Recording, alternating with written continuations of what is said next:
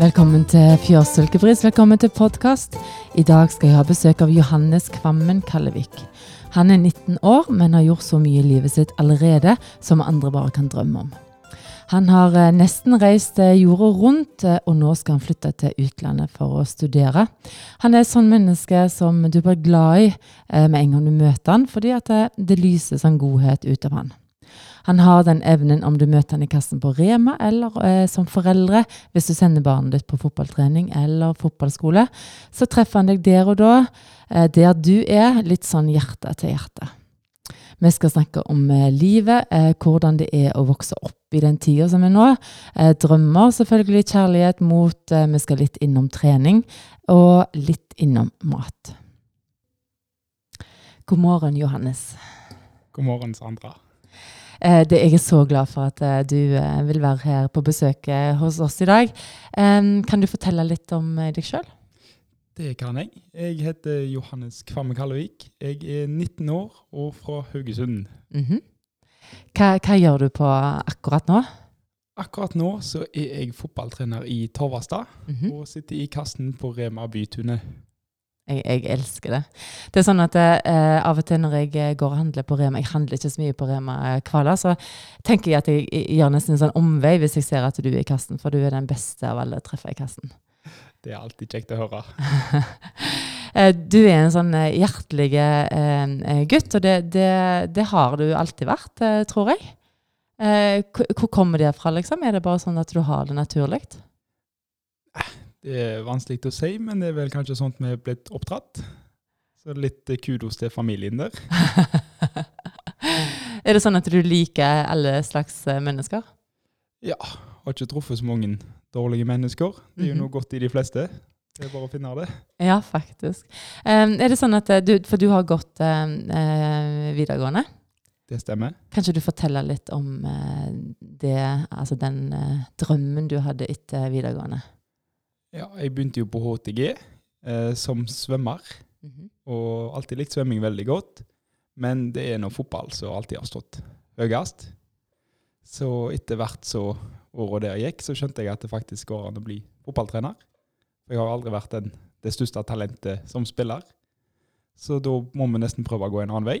Mm -hmm. Og så hørte jeg om en skole som ligger i England, som rett og slett er en, et fotballuniversitet der du bl.a. kan studere til å bli trener. Ok.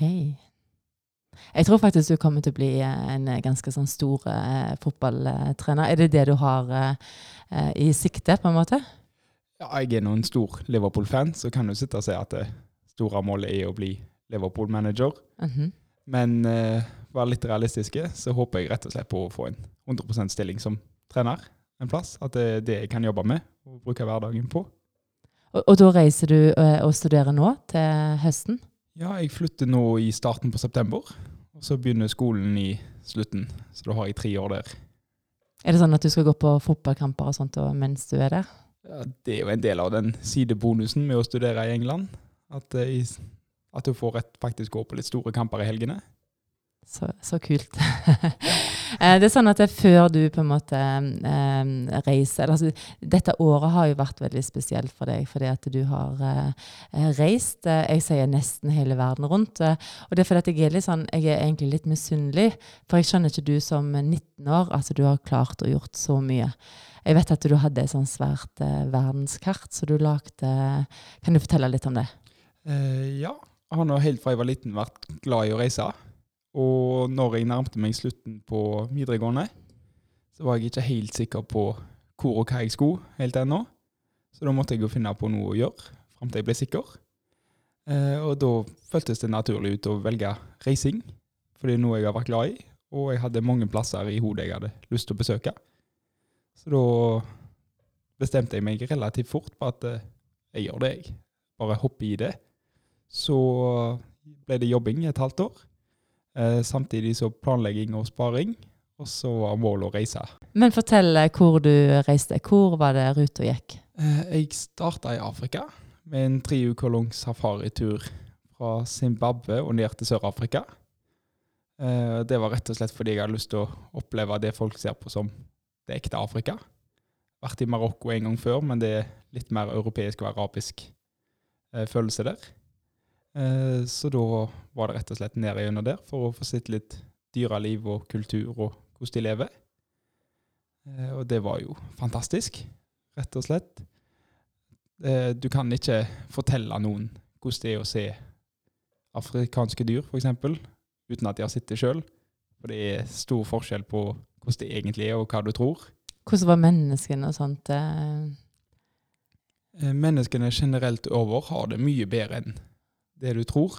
Levekårene er jo selvfølgelig ikke sånn som vi har det, men det Ja, du, du ser ikke så mye glade mennesker når du går rundt i Norge, f.eks., selv om vi har så mye mer. Så innstillingen deres er jo helt fantastisk å se. Så det er kjekt å få treffe dem på en litt annen måte enn det du leser i media. Mm. Ofte så er det jo lett å bare få inntrykk av at de bare har det fælt. Men de har kanskje mindre, og fortjener all hjelp vi kan gi.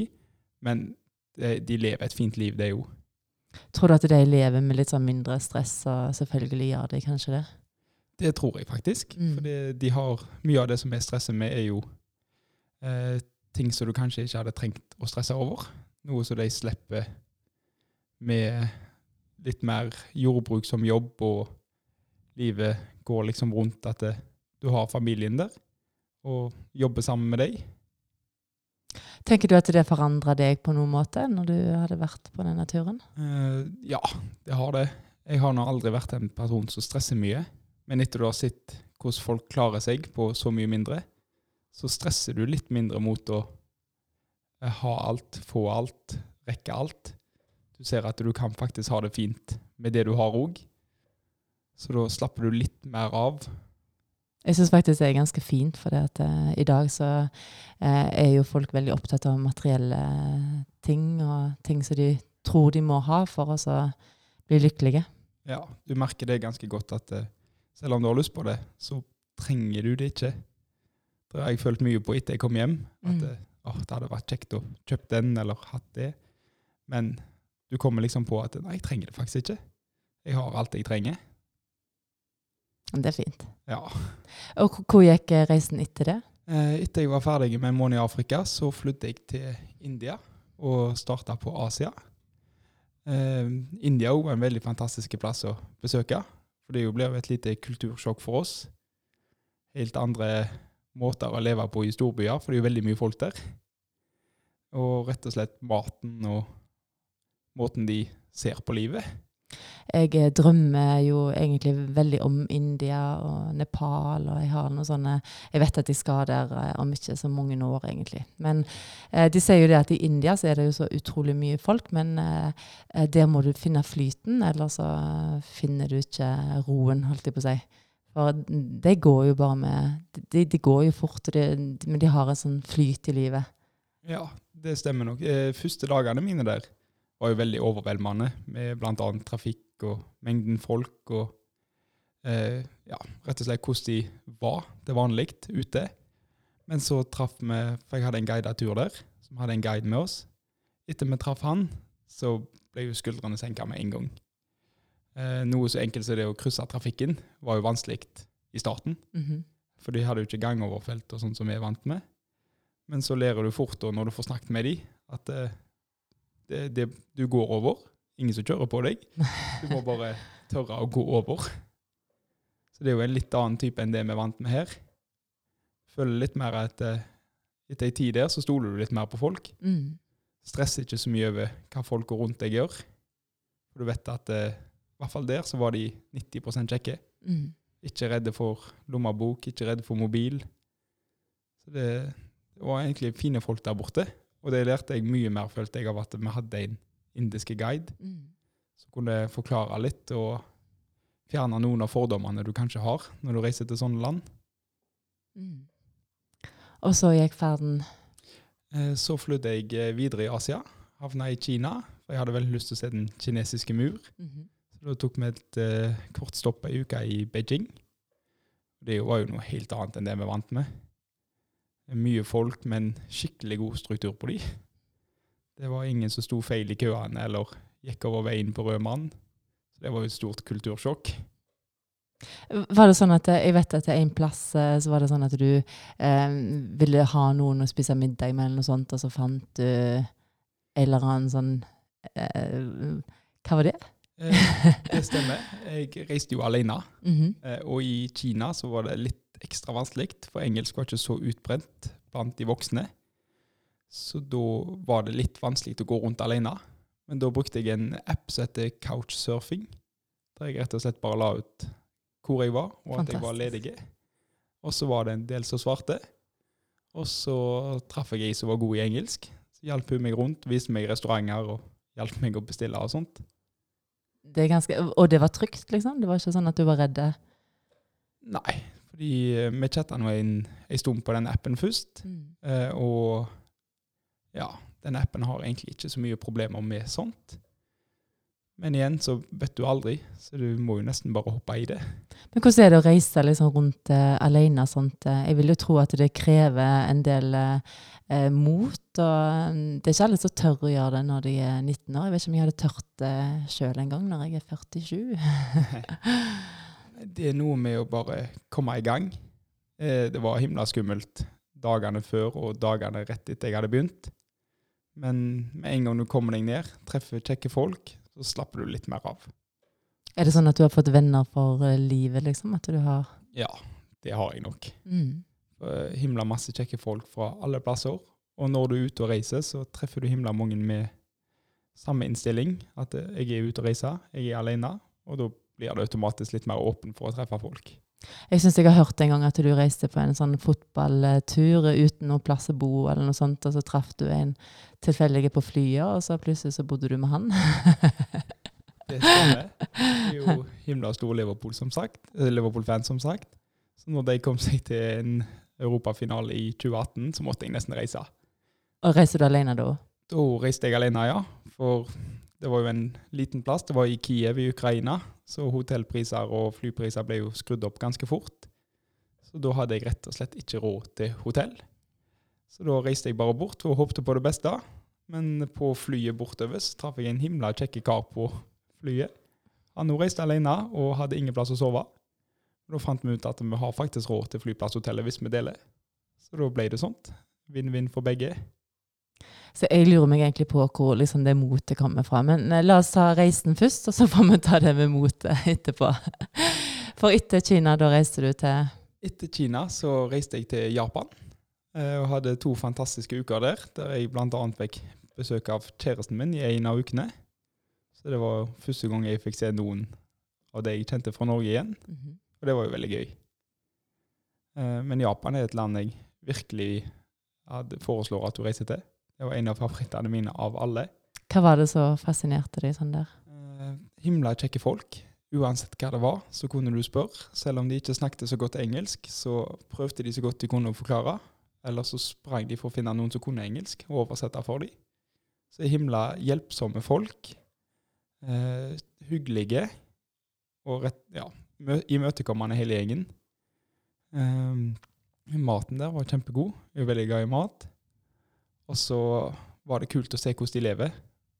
Det er himla mye mer teknologi i bruk der enn det vi kanskje er vant med. Ok, hva for eksempel? Alt fra at du bestiller mat på roboter, okay. til vinduer som er TV-skjermer og reklameskilt. Så det var nesten som å reise fram i tid å komme der til. så kult. Ja, og det er stilig å oppleve. Toalettene deres er jo veldig fancy. Okay. Ok. Opp, oppvarma doseter og full pakke, så det var litt tøft å prøve. Så det, det var jo egentlig en ganske stor forskjell fra India til, til Japan, da, i forhold til fasiliteter. Ja, det var en stor oppgradering. Mm. Hvordan var det i India, forresten? Eh, jeg hørte mye før jeg kom der til, men det var ikke så gale som du skulle trodd. Nei. Det eneste du må huske hvis du skal til Asia, er at dopapir ikke henger inne på do. Det henger med vasken, så det må du huske å ta med deg. det, det er ganske, ganske flott. Det er bra. Ja. Og så, hvor reiste du da? Så reiste jeg litt lenger sør i Asia. Flyttet Flydde til Bangkok i Thailand. Og så hadde jeg en tre ukers tur, eh, to ukers tur, sorry, gjennom Kambodia. Eh, og Kambodia òg var jo et stilig land å besøke. Masse veldig gamle historier. Eh, med bl.a. bygninger og eh, ja, mye sånn tøft. Og så fikk du en litt mer europeisk følelse der, eh, siden de har vært en fransk koloni. Så da følte du deg litt mer hjemme igjen i storbyene, mens du samtidig fikk oppleve skikkelig god, gammel asiatisk kultur når med en gang du kom ut på landsbygda. Jeg er så fascinert over at du faktisk er så god i geografi og sånt òg, for um, jeg er ikke det. Men uh, jeg, jeg, tenker av og til at det, det, må jeg faktisk bli, litt bedre i. Men um, du føler det? Du har liksom ganske kontroll? Etter jeg begynte, etter jeg begynte å planlegge reisen, så gikk geografikunnskapene ganske fort opp. Mm. Og da begynte du å finne land, og men skal jeg der, så er det langt vekk fra det, så kanskje ikke det går. Og så har det blitt sittende. Det, det er stilig. Og hvor gikk reisen så? Eh, etter det så reiste jeg ned til Bali og fikk besøk av en eh, skolekamerat eh, i ei uke der. Så det var en liten ferie fra ferien, som jeg kalte det. Et avbrekk fra alt reising og litt av det stresset med å prøve å få sitte alt på den tida du har. Gjøre alt du ville. Så da hadde meg og han ei fine, rett og slett bare ei vanlig ferieuke der. Der vi lå med bassenget og koste oss på hotellet. Og så er det jo sånn at jeg, jeg er jo så glad i yoga. Um, hvordan var det i India? Jeg vet at på Bali så er det jo utrolig mye yoga. Så du mye der? Uh, du så en del, for de hadde morgenyoga og kveldsyoga rundt omkring i parker når du gikk. Uh, og så var det jo hvis du hadde lyst, så fant du yoga mm -hmm. overalt. Du hadde ikke lyst til det? jeg hadde meg et par runder ja, vel, på turen, mm. fordi guiden eh, lånte rett og slett inn en som kom til hotellet og viste oss. Og da kunne vi jo ikke akkurat si nei. Nei. Men det er tøft å prøve. Mm. Ja. Eh, og fortell videre hva som skjedde da, når du reiste fra Bali til Etter Bali så reiste jeg ned til Australia. Eh, rett og slett fordi jeg aldri har vært der og hadde lyst til å oppleve dyrelivet og litt av den gamle kulturen deres òg. Men eh, Australia var en veldig positiv overraskelse. I og med at jeg aldri hadde vært der, så forventa jeg en liten blanding av England og Spania, siden det er varmt der. Men Australia er noe helt eget. Det er litt vanskelig å beskrive, så det må nesten oppleves for å skjønne hva jeg mener. Mm. Men veldig laid back og deilige følelser bare av å være der følte at stresset forsvant mye når du kom til disse surfebyene langs kysten og sånt. Så det var deilig.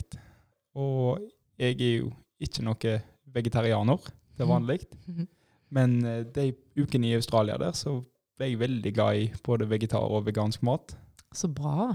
Det har de virkelig knekt koden på der. Så gøy. Det var vel kanskje litt sånn til India òg, kanskje? eller? Eh, ja, i India òg, for der er de så himla flinke på krydder og sette mm. smak på maten. Mm. Så hvis du ikke hadde det som jeg ser på som indisk mat med kylling eller noe sånt, så merka du det ikke. Så spennende. For mat er jo viktig for deg, har jeg forstått. Så jeg har alltid vært glad i mat, mm. så det var jo noe av motivasjonen med å reise. Mm. At jeg fikk prøve autentisk mat av det jeg er glad her i Norge. Så merka jeg fort at indisk mat i India er på et helt annet nivå enn det vi kanskje ser på som indisk mat her. Ja, Det sier de vel egentlig om kinamat og sånt òg. Når vi spiser kinamat, så er det ikke det samme. Ja, det, det er en fornorska versjon. Mm. Så det, hvis du liker det, så kommer du til å like det mye bedre i det landet det kommer fra. Mm. Men det er ganske langt til Australia. Hvordan gikk det med, med fly og sånt? Gikk det fint på reisen? Uh, ja, jeg var litt skeptisk på de lange flyreisene før jeg reiste. For jeg er jo ikke akkurat lave.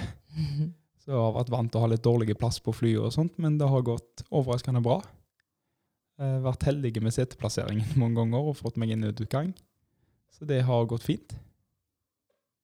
Og så var det fra Australia til eh, Fra Australia så reiste jeg til Sør-Amerika. Og der kom store deler av familien ned. Eh, ja, for da var du i Brasil? Da kom jeg til Brasilia. ja. Så da ble jeg møtt av mamma og søstre, kjæreste, stefar, stebrødre og bestemor. Oi, det er fint. ja, det var kjekt å se det igjen etter tre og en halv måned. Og så vet jeg at dere gjorde en ting som var litt uh, spesiell i Brasil. Det gjorde vi. Vi reiste og besøkte et uh, barnehjem i Sao Paulo som blir støtta av FK Haugesund, der eh, mamma jobba i økonomiavdelingen en stund. Så da sendte de ned masse drakter og fotballer og klær. Så det hadde dere med dere? Det hadde de med seg? Det tok familien med seg ned, ja. Mm. Så fikk vi lov til å reise ut der og dele ut dette. Og det var helt fantastisk. Hvordan var det? Jeg, jeg eh, vet jo på en måte at eh, unger og sånt eh, knytter seg veldig fort til deg, og du egentlig du knytter deg litt fort til, til folk og sånn. Hvordan var det å være på et barnehjem? Eh, Det var, en, det var utrolig kjekt å lære om hvordan det faktisk er. Men igjen, du så på dem at de, var, de er en veldig glad gjeng. De hadde det kjekt sammen. De hadde det kjekt med oss. Og det så ut som hverdagen deres var ganske grei. De får skolegang, alle ungene som bor der. Eh, Og fasilitetene deres var veldig bra nå, pga. all støtten de har fått fra Norge. Det er fantastisk at vi kan stille opp og hjelpe noen sånn som dette. Jeg, jeg tenker jo at eh, jeg syns jo det er fint eh, Jeg ser jo at du blir litt sånn rørt når du snakker om eh, barnehjem. og når du jeg tenker du at det, det må jo ha Jeg syns det er godt å høre at du sier at du ser at de som på en måte egentlig har det litt vondt, de har det egentlig eh, kanskje ganske godt fordi at de har familie og de har de verdiene som eh, kanskje vi glemmer litt i dag fordi at vi tror at vi har det så travelt. Ja, jeg tror faktisk vi kan lære mye av de som vi ser på som mindre heldige. Og på enkelte plasser så syns jeg faktisk de er heldigere. Mm. de har knekt en kode der de skjønner at eh, det er ikke materielle ting som er det viktige, men det er folka vi har rundt oss. Jeg syns det er så fint når du er 19 år og så sier de tingene der. Fordi det syns jeg er, det, det blir jeg rørt av. Ja. Så det, det er ganske fint. Nei, jeg føler meg heldig som har skjønt det såpass tidlig i livet, og kan bruke større deler av livet på å sette pris på det jeg har, Mm. i stedet for å bare jakte etter det nye. Ja. Og så gikk turen fra Brasil til Fra Brasil så reiste jeg videre til Bolivia. Så ja, der har jo faktisk stefaren min bodd en periode. mm. Så det var jo litt tøft å få se noen av tingene han snakket om. Han hadde bodd en del i den byen som jeg starta i, som er hovedstaden som heter La Paz. Det var litt stilig. Hva så du der? Hva var det som var Eh, Det som er litt stilig i denne delen av Sør-Amerika, er måten byene er bygd. For de er veldig høyt over havet. Denne byen lå på 4000 meter. Så bare måten de har fått ting til når det ligger i fjellene, med stupbratte bakker og fjellsider fulle i hus. De har funnet en måte å bygge der. Eh, Og kollektivtransporten var veldig tøffe. For det var, de brukte ikke busser og tog og trikk, sånn som jeg kanskje er vant med. Men de hadde rett og slett skiheiser oh. som gikk rundt i byen. Og det var det folk brukte til å komme seg til og fra jobb. så kult. Ja. For busser hadde slitt med bakker og veiene de hadde der. Så da fant de en veldig flott løsning. Og den virka jo fantastisk for oss turister òg, for da fikk du deg opp i høyden og fikk sett mye på veien.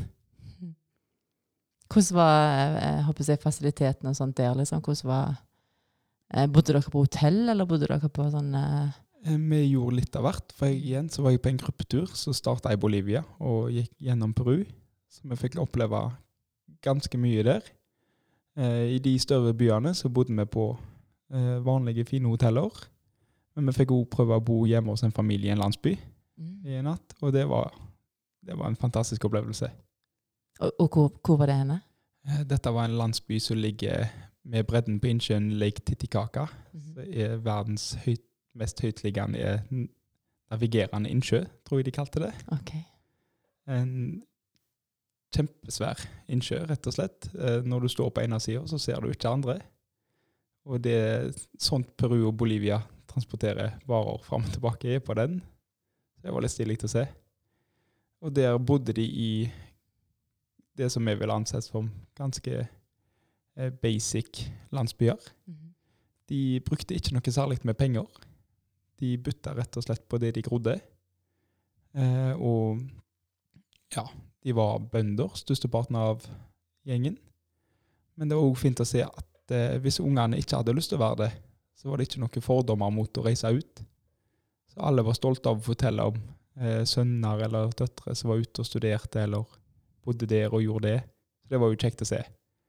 At det ikke var noe tvang om at det, dette er sånt vi lever, sånt vil vi at du skal. Det var litt fint å se. Eh, Var det der du eh, eh, gikk eh, til Jeg vet at du var på noen sånne fjell, svære fjellturer. var det der? Eh, det var ikke helt der, Nei? men et par dager etter vi bodde der, så gikk vi en fire dagers gåtur opp til Machu Picchu. Mhm. Eh, og det, det var rett og slett fantastisk. Bare det å få lov til å gå opp til en sånn en plass, i stedet for å ta toget bort, tror jeg gjorde det mye bedre. Er det ikke sånn at du må gå ganske seint og sånn for å Dette òg er jo veldig høyt over havet. Ja, er ikke sånn mm. Ja, Så selv om de fleste på gruppa vår anså sjøl som over gjennomsnittet trent, Mhm. så ble det maks ti skritt om gangen uten pause. Ja, akkurat. Så den kjente du godt. Men der òg fikk vi en utrolig kul opplevelse. Eh, meg og noen andre på gruppa var like store fotballfans. Og ene dagen vi gikk, så skulle Liverpool spille kamp. Mhm. Så da spurte vi ene guiden litt på tull om det tilfeldigvis var noen som viste kampene her oppe. For det bodde enkelte folk i husene rundt omkring som drev med jordbruk der oppe. Eh, og guiden han sprang på leitan og så fant han et hus i fjellsida som hadde en TV der han hadde kanalen til kamp. Så da dro han rett og slett TV-en sin ut i gården, Så og så satt vi der hele gjengen og så fotball. Så egentlig så har du fått sånne minner for eh, livet, har du ikke det? Jo, rett og slett. Kommer aldri til å glemme sånne opplevelser. Det er, det er noe du ikke regner med å få Mm. når du reiser på ferie. Men, men var det høydepunktet når du på en måte kom opp eh, til den eh, toppen? Eh, høydepunktet i, på den turen var å komme rundt svingen opp til siste fjell. Altså, jeg vet at høydepunktet egentlig var den kampen der, jeg bare tuller. men, eh, men eh, ja. Hvordan føltes det? Du var utrolig letta og glad, for ikke bare kom du opp til en plass du har gleda deg til å se lenge, men du har faktisk slitt deg ut for å se den. Mm. blitt utrolig godt kjent med den gjengen du gikk med. For du gikk sammen og bodde sammen i telt i fire dager. Alle var like slitne. Alle syntes det var like løye hvor tungt det var å gå opp en bakke. For det var jo ingen av oss vant til. Så det å komme rundt den siste, siste svingen til det som de kaller for The Sun Gate, så er det første punktet du kan se Machu Picchu fra på den turen. Det var helt utrolig. Jeg tenker at Når vi legger ut denne podkasten, så kan det hende at jeg kan få noen bilder av deg. så jeg kan legge ut eh, Hvis du har noen bilder av, eh, av det. Jeg har tonnevis av bra bilder fra dette. Jeg tror kanskje at vi skal lage en sånn kveld her på Fjørsilkebry, så du kan uh, rett og slett fortelle litt om hva du har For jeg tror det er ganske mange som er interessert i, i reiser og eh, interessert i det som du har gjort. Det hadde vært veldig gøy Mm. hvis folk har lyst til å se. Men det som jeg lurer på, når du reiste, når du var i sånne grupper, eh, var det nye grupper for hver, hver gang? Det var ikke ei gruppe, du, for du reiste egentlig alene, så traff du Jeg reiste alene, ja, men i enkelte land så hadde jeg lyst til å gjøre ting som var vanskelig å organisere alene. ja. Men da er det et selskap som heter G Adventures. ja, for du kan vel ikke bare si tenke at du skal reise opp og gå opp der, liksom? Eh, I hvert fall på Machu Picchu så har de en begrensning på så og så mange får lov til å gå i terrenget til dagen Ja. for å bevare de gamle inkastiene, for det er det du går på. Eh, Så da gjør det det mye lettere hvis du bestiller gjennom et selskap. At du lar dem ta den vanskelige jobben med å få lisensen til å gå der. Mm. Og så er Machu Picchu, den byen du begynner å gå fra, ligger ganske langt vekk fra alt. Så i stedet for å eh, stresse med å finne buss eller tog eller transport fra en av de store byene ut der, så var det litt deilig å bare kunne sette seg på bussen og la guiden styre alt det vanskelige. Jeg syns det høres helt eh, fantastisk ut. Det er godt at jeg har ganske mange år igjen å leve, så jeg, jeg har lov å drømme litt, jeg òg. Ja. Men eh, Og så gikk turen eh, videre derfra. Eh, Etter Peru så var jeg rett og slett sliten, så da tok jeg meg en ny ferie fra ferien. I meg i senga mi i to uker. Så da flydde jeg hjem fra Peru. Det syns jeg faktisk òg er veldig fint, Johannes. For det egentlig så krever det mot å så reise ut og gjøre en sånn tur. Men så krever det jo egentlig litt mot til å faktisk reise hjem og hvile litt òg. Ja, For en, en mote, liksom det, det er jo positivt at du reiser ut, men så krever det litt mot når du faktisk eh, tok deg en liten pause der òg, for det er ikke alle som gjør det heller. Istedenfor å presse deg sjøl, så eh, fascinerer det meg litt òg. Nei, jeg syns det er viktig å lytte til kroppen. Eh, og selv om jeg hadde veldig lyst til å gjøre de tingene jeg skulle gjort de neste to ukene, så kjente jeg rett og slett på at eh, jeg kommer ikke til å nyte de eh, 100% nå. Så da er det bedre å reise hjem og se familien og få slappet skikkelig av. Og så reiste du igjen. Og så reiste jeg igjen. og hvor var det da? Da hadde vi forsamla krefter igjen, og da reiste jeg over til USA. Og hadde meg en uh, fin roadtrip som starta i LA og avsluttes i New York. Og Det var en veldig fin måte å se USA på. Ikke bare store byer som LA og New York, men du fikk se mindre byer i stater du kanskje ikke hadde reist til. Det, det, det er ganske fint. Amerika er fint. Ja, veldig fint. Ja. Men hvis du skal ta en sånn, eh, hva tenker du på en måte eh, var egentlig høyde, hele høydepunktet på turen? Hvor er det du tenker Er det Japan du tenker du vil tilbake til? Det er vanskelig å si én plass, eh, fordi kulturer og byer var så forskjellige at det må nesten bli én favorittplass fra minst hver verdensdel. Så jeg kommer garantert til å reise tilbake til mange av plassene. Mm. Men land som Japan, Australia, Peru og USA er plasser jeg garantert kommer til å reise tilbake til, tror jeg. Mm. Det, det, du, du blir ikke med meg til India, da? Du kunne jo vært med meg til India. og gjort litt yoga. ja, hadde sikkert hatt godt av det. Eh, og så Det som jeg lurer på, eh, Johannes, nå er du 19 år. Hvordan tror du det er egentlig for eh, ungdom å vokse opp i dag? Eh, jeg føler kanskje at jeg var litt heldig. Jeg er ikke så gammel som du sier, men jeg føler jeg slapp litt unna den verste presstida å være ung på. Mm. Jeg følte at jeg fikk lov til å være ung i mitt tempo. Var ikke noe press om å vokse opp, ikke noe jeg følte egentlig ikke på noe særlig press, verken fra foreldre eller voksne eller fra skolen. Eh, ikke hadde vi ja, Høres litt gammel ut her, men vi slapp unna det med smarttelefoner og mm. nettbrett fra tidlig alder. Noe som jeg tror var positivt for oss, i hvert fall. Mm. Jeg eh, skal ikke jeg si noe på om det er positivt eller negativt nå, for det kan jeg ikke nok om. Men jeg er glad for at eh, jeg slapp det. Og at jeg rett og slett, hvis du ville ut, så gikk du og banka på døra til noen. Var det ikke hjemme, så sykla du til neste. Jeg, jeg, trodde kanskje ikke at når du er sånn 18-19 eh, år at du eh, men, eh, men, det stemmer sikkert, det. Det kom litt seinere, det der ja. kaoset som er nå når du vokser opp. Ja, jeg husker vi hadde de gamle flip-opp-telefonene fra vi var små, der du kunne kunne ringe politiet, ja. for du hadde mm. ikke SIM-kort. Og så vet jeg, Johannes, at du, eh, du, det var jo noe tøft som skjedde i, eh, når du var liten, for du mista jo pappen din. Det stemmer, men uh, det er jo selvfølgelig noe av det verste som kan skje. Men jeg tror både meg og hele familien har vokst ganske bra på det i ettertid. Jeg tror du egentlig mot, altså du får litt sånn ekstra mot av det? At du ikke er redd for uh, så mye, kanskje? Fordi at du har vært igjennom så mye? Det kan ha noe å si, ja. For du har opplevd noe som er så fælt, så da tenker du at eh, samme hva som skjer med dette, så kan det ikke være så gale. Er det, jeg følte at du fikk det litt travelt siden du, du, har gjort ganske mye til den alderen du er egentlig. Jeg føler at du liksom må skynde deg litt med Du må jo ikke det, men tenker du det liksom? At du skal i hvert fall gjøre ting som er um, Jeg har ikke følt at jeg har skynda meg, men jeg har heller følt at uh, dette har jeg lyst til, så hvorfor utsette det? Mm prøvd å gripe mulighetene som dukker opp. For det kommer jo alltid ting du har lyst til å gjøre. Så hvis du bare eh, venter på å gjøre ting, så mister du kanskje muligheten til å gjøre den tingen. Eh, det er jo helt klart at eh, sånt er det jo med alt i livet. At hvis du har lyst til å gjøre noe, så, så må du jo gjøre det. Ja.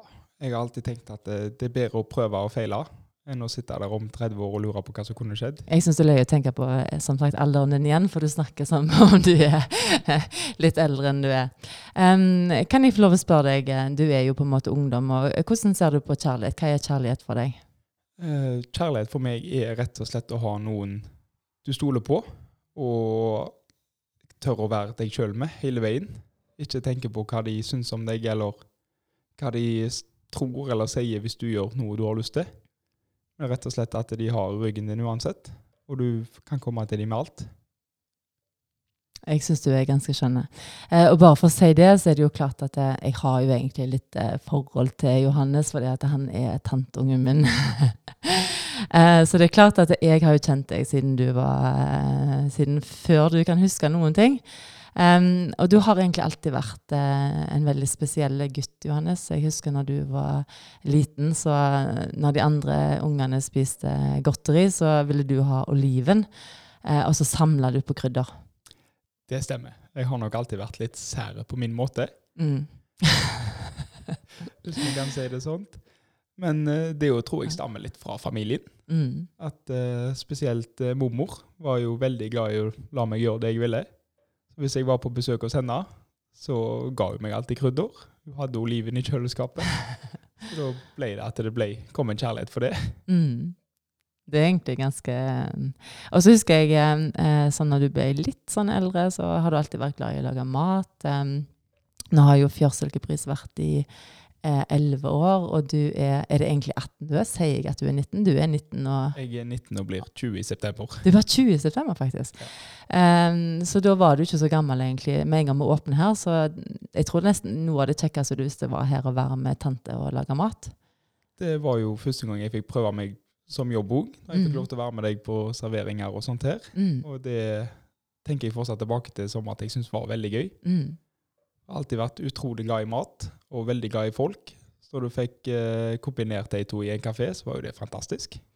Jeg, eh, jeg tenker at eh, eh Nå var jeg litt glad når du sa at du likte sånn vegetarmat. og sånn, For det, det, har ikke jeg fått med meg at du har spist. For du har jo egentlig bare likt alt mat så lenge jeg har kjent deg.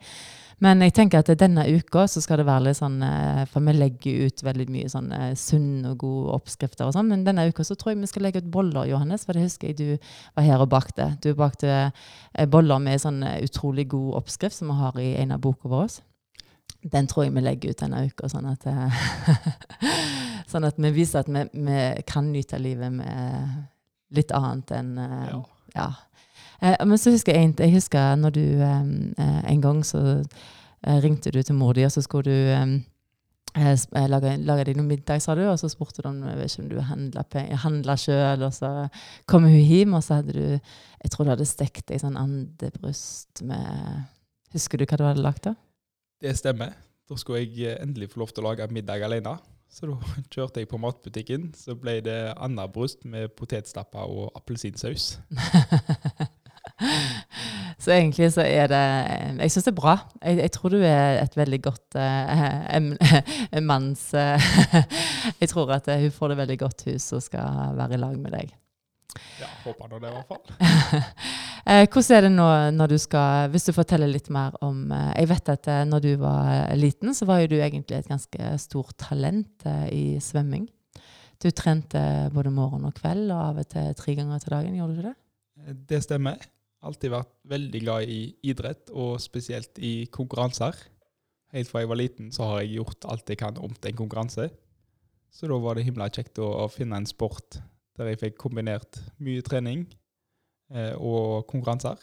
Og så var det ekstra kjekt da, når jeg begynte å gjøre det bra. Men eh, jeg var aldri noe sånt spesielt talent, som de kaller det. Det var mer et treningstalent. For eh, i svømming så har jo teknikk og sånt veldig mye å si. Men det fikk jeg aldri helt til. For det, kroppen min ville bare ikke. Men det viste da at du kan trene deg overalt, og at det, uansett hvor uoppnåelig det virker, så går det an å komme seg der til med rett innstilling og rett mengde arbeid. Jeg tenker at det er en ting som òg hjelper deg videre i livet, Johannes. Tror du ikke det? Eh, jeg tror det hjelper meg veldig mye med at jeg starta langt vekk fra eh, konkurrentene mine, men at jeg kom meg opp og tok igjen mange av dem med arbeid. Eh, og det, det, tror jeg kan hjelpe veldig mye videre med at eh, selv om ting virker vanskelig, så har du ei tro på at det kan gå. For du har allerede erfaringer med at eh, har du rett innstilling og jobber for det, så kan du klare det meste. Jeg, jeg tror at den troen, den er, den er, den er kanskje viktigst av alt. ja, det føler jeg at jeg ser på de, de fleste idretter. At vi innsats og tro på det du gjør, så kan du klare det ganske bra. Men altså, du var jo i NM og sånt òg, så du gjorde det jo veldig godt, eh, Johannes. Du var jeg var rundt og heia litt på deg eh, på stevner, jeg òg. Jeg husker spesielt en gang så var vi på, det var på Stord og heia på deg. Eh, og det glemmer jeg aldri, for det var så mye folk. Og så var det mammen din, hun var ganske ivrig. Hun sto og brølte 'kom igjen' og 'kom igjen'. Ikke 'kom hjem', men 'kom igjen'. Eh, eh, men så, hun, så brølte hun til deg 'svøm', 'svøm', 'svøm'. Og så tenkte jeg så måtte jeg dunke henne. Det er jo akkurat det han gjør. Stakkar må jo få lov å svømme.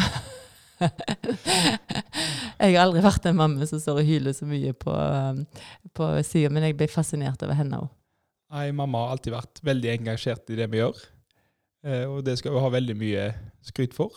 Men eh, på den andre sida så har hun kanskje ikke alltid hatt like mye kunnskap om det vi gjør. så det har blitt mye engasjement, men av og til noe rare ting som kommer ut av munnen på henne. Men det er bare fantastisk å ha henne der. Det har jo vært en kjempestøtte hele veien. For det er tungt å drive med noe så mye, så da trenger du noen rundt deg som pusher deg litt og oppmuntrer deg. Mm. Og hun var jo veldig flink på rett og slett dra meg på trening hvis jeg ikke gidder. Eh, som du sa, så hadde vi jo mye morgentreninger. Jeg er ikke akkurat verdens største morgenperson. Men mamma kom alltid i døra halv seks med smil på munnen og dro meg opp. Og det hjelper himla mye. Mm, så det er, det er, jo viktig med det nettverket rundt når du på en måte skal, skal ja. ja. det er utrolig viktig å ha folk rundt deg som vet hva du jobber for, mm. og har troa på deg, og rett og slett er med og støtter. Jeg vet jo at du eh, har vært en veldig god støtte for eh, deg hjemme òg. Nå er det jo sånn at du har to tvillingsøstre. Eh, hvor mye yngre er de? de er, hvor gammel var du når de ble født? Uh, det husker jeg jo ikke, for jeg var ganske liten. jeg klarer ikke å regne så mye i hodet, men uh, de er jo 17 da.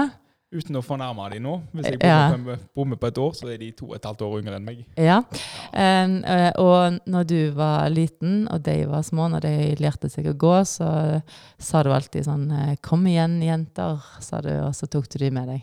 Jeg har alltid vært veldig sosial av meg. Mm. Så hvis vi var ute på familie med noe, så var det rett og slett de som var nødt til å tilfredsstille meg sosialt. så da ble det at de ble dratt med på ting, selv om de kanskje ikke hadde så lyst. Ja. det, det, er, eh, det, skal bli veldig kjekt å følge deg eh, videre nå. Men så tenker jeg vi må snakke litt om eh, trening. Hva, hva, trener du nå i dag? Liksom? Når du er fotballtrener, trenger du ikke trene da? Liksom? Du, eller trener du fotball nå? Eh, trening er himla viktig, syns jeg, mm. for alle. Uansett hva du gjør. Eh, hvis jeg får trent en dag, så føler jeg at eh, dagen har vært bedre. Får brukt litt energi, energi. Kjent litt på den deilige følelsen av å være sliten, mm. rett og slett. Eh, etter jeg slutta på svømming, så har det ikke vært veldig mye organisert trening lenger. Så nå det, skjer det mye på egen hånd.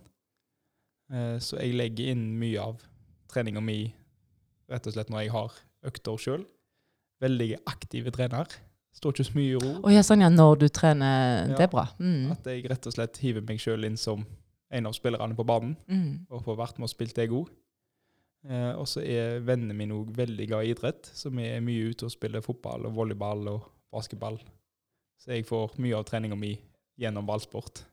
Jeg vet at uh, du har vært liksom på fotballskole nå og vært fotballtrener for uh, Og jeg vet jo at uh, en del av de foreldrene de syns det er veldig trist at du skal reise vekk for å studere nå. Fordi jeg hører de liksom snakke om deg fordi at du er en ganske engasjert Altså uansett om ungene er jeg vet ikke hvor gamle de er, om de er 8 eller om de er 14, så, så ser du på en måte mennesket Det er det jeg føler med deg, Johannes, at du, du, klarer å se folk akkurat der som de er, og så ser du foreldrene, og så passer du på dem. og så eh, det, det er ganske, ganske fint. For meg så er den viktigste delen av trenerrollen å treffe eh, ungene eller spillerne der de er. Og huske at selv om fotball er en lagsport, så er ikke alle på samme plass i utviklinga si. Så jeg syns det er viktig å ikke dra inn kam over alle, at dette skal dere klare. Eh, og prøve å utfordre dem på der de står, og gi oppmuntring og skryt når de gjør noe som er bra for seg. At selv om du ikke er en kjempegod spiller, hvis du gjør noe som er bra i forhold til hva du gjør av og til, så fortjener du skryt for det. Mens hvis du er en god spiller, så må du gjøre litt mer og prøve å presse og tilfredsstille de samtidig. Jeg tenker Det er litt sånn eh, Jeg har snakket om det før, men litt sånn disiplin, på en måte. Litt sånn at du, du, har, du har, ganske god eh, kontroll på disse her eh, ungene, og de, de lier deg ganske godt. Hvorfor tror du de gjør det? Hvorfor tror du de hører på deg? Jeg tror at det kan ha noe med at uh, jeg prøver å være venn med de, men ikke bestevenn.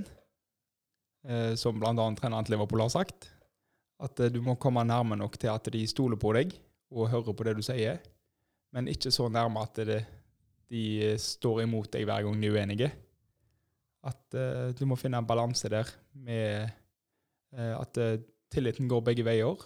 At eh, hvis jeg som trener gir en beskjed, så kan jeg stole på at eh, den blir fulgt. Og samtidig så må det gå andre vei. At de må stole på at eh, det jeg sier, gir mening, og at jeg ikke får de til å gjøre noe tull, og at de vet at eh, jeg vil at eh, de skal bli bedre. Jeg føler det er en viktig balanse å finne. Er det sånn at du leser mye bøker, og eh, liksom eh, Hvor får du liksom alt den kunnskapen fra? Eh, Du ser på, hører på Jeg har aldri vært så glad i verking, verken lesing eller noe, men etter jeg fant eh, trenerrollen i fotball, så har jeg lest veldig mye. Mhm. Både kjøpt meg masse bøker og internett. Og jeg har veldig stor tro på at eh, hvis du faktisk finner noe du brenner for, så kan du gjøre himla mye. Det tror jeg òg, Ja. Johannes. det må liksom finne den der indre motivasjonen, indre Ja, og det hadde vi mye om når jeg drev med idrett. Forskjellen på indre og ytre motivasjon. mm. Ytre motivasjon kan få deg til å prestere der og da, men det vil aldri holde i lengden. Men hvis du finner noe du brenner for, så kommer du gjennom både tunge og fine tider. For det, har du lyst til. Mm. Jeg, jeg gleder meg veldig til å følge deg når du eh, reiser på skolen nå. Så sånn at av og til når du kommer hjem, kanskje til jul, så kan du være eh, gjest her eh, igjen. Eh, så kan jeg kanskje bake boller til deg. Eh, fordi at det er, det, er, det er veldig kjekt, det er veldig spennende å høre eh, hvordan du tenker, og du, eh, hva du kommer til å oppleve nå når du reiser. Eh, og så er det jo sånn at eh, du snakket litt om jordbruk, og sant? du vet jo at vi har eh, litt sånn åkrer og sånt ute. Eh, så jeg tror kanskje at det, før du går i dag, så skal vi ned om der og så plukke litt og så se litt. at det, det er jo litt interessant å høre om, sånn som du sier, på reise og sånt, om alle så Du har jo egentlig fått et litt annet syn på det, har du ikke det? Jeg har fått et veldig annerledes syn på det. Mm.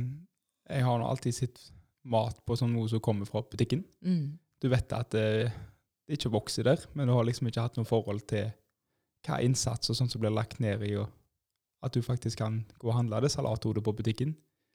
Men etter jeg har vært ute og reist og sett folk så eh, stort sett lever på det de produserer, så får du et helt annet syn på hvor mye arbeid og tid det faktisk tar å dyrke ting. Og så kanskje litt annet syn på sånn som du sier, livet, fordi at du treffer liksom mennesker og alt på forskjellige Jeg tror egentlig alle hadde godt av å reise litt for å Eh, Og noe av det beste jeg har lært på tur, er at du kan lære noe av alle. At du må ikke avvise folk pga. Eh, sosial standing eller hva de liker. Men at eh, du kan faktisk lære noe av alle. Altså kanskje de som på en måte ikke har så mye, sant, og kanskje ikke får så mye Jeg er helt enig. Vi må liksom lære oss å se Litt sånn som jeg sa i introen, så sa jeg litt sånn hjerte til hjerte. Eh, det syns jeg egentlig er så fint, for når vi møter nye folk, og sånn, og selv om vi på en måte ofte dømmer eh, inni oss, på en måte tenker at det vil vi ikke, eller, sant? så eh, er det viktig å tenke litt sånn hjerte til hjerte. Det var liksom det første som slo meg når jeg skulle lage den introen, at når du har vært ute og reist nå, så tror jeg at det er det du på en måte har lært mye på veien. Ja, jeg føler det er veldig viktig å legge vekk fordommer når du treffer folk. Selvfølgelig passer ikke alle mennesker sammen, og det er det ingen som forventer heller. Men eh, når du treffer folk, snakker med folk, har et åpent sinn, og ikke avvis de før du har begynt. For plutselig så kan de overraske. Eh, Hva tenker du du ville sagt til andre? Nå, som sagt så mista jo eh, eh, dere pappen deres eh, tidlig. og sånn. Hva, hva tenker du, hva, hva råd vil du gi altså sånn andre ungdommer? Så, nå vet jeg at du har fått veldig mye mot, og kanskje du har blitt litt uredde. Um, du er jo egentlig så kjærlig, og du er altså, hva, hva tenker du eh, For det var jo tøft. Det var utrolig tøft, og vi var jo ganske unge når det skjedde. Mm. Så litt vanskelig å forstå hvordan livet skulle gå videre uten en så stor del av det. Men etter hvert så tida årene går, så har vi lært at eh, de tolv åra jeg faktisk fikk med han, var mye bedre enn en livstid med noen andre. det var fint. Ja. Um, jeg syns det var veldig fint. Ja. Eh, jeg tenker, Johannes, at uh, jeg vil gjerne spille deg ut her i dag. Fordi at uh, vi skal spille en sang som vi lagde i den første boka. Den heter 'Flybarn'. og jeg vet at ikke du er noe barn, Johannes, men jeg syns den teksten passer veldig fint. så da vil jeg egentlig bare ønske deg lykke til. Eh, jeg skal følge deg på Instagram. Hvis dere skal følge Johannes på Instagram, hva, hva heter du på Instagram? Eh, du finner meg både under Johannes Kallevik og brukernavnet Kalles99. Ja. Eh, for jeg syns det er viktig å følge liksom opp ungdommen. og Det er, liksom, det er dere som er framtida vår. Så det, jeg, jeg, gleder meg. Jeg håper til jul at du kan være gjest her igjen. Det så håper jeg at vi kan få til. Spiller med flybarn, og tusen takk for at du kom, Johannes. Flybarn, fly, dra av sted. Reis din egen verden, ta ingen vonde drømmer med. La ingen få forstyrre ferden.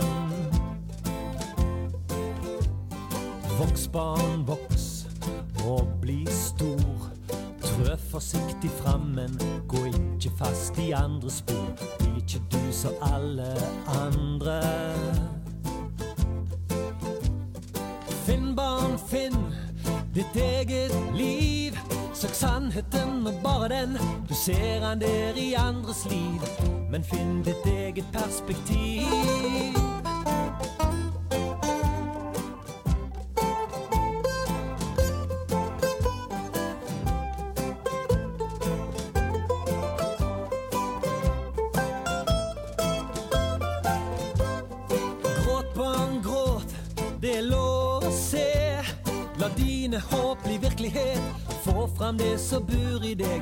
Vis hva du kan, hva du mener. Mm, mm. Voks, barn, voks og bli stor. Trø forsiktig frammen, ikke fast i andre spor. Bli ikke du som alle andre.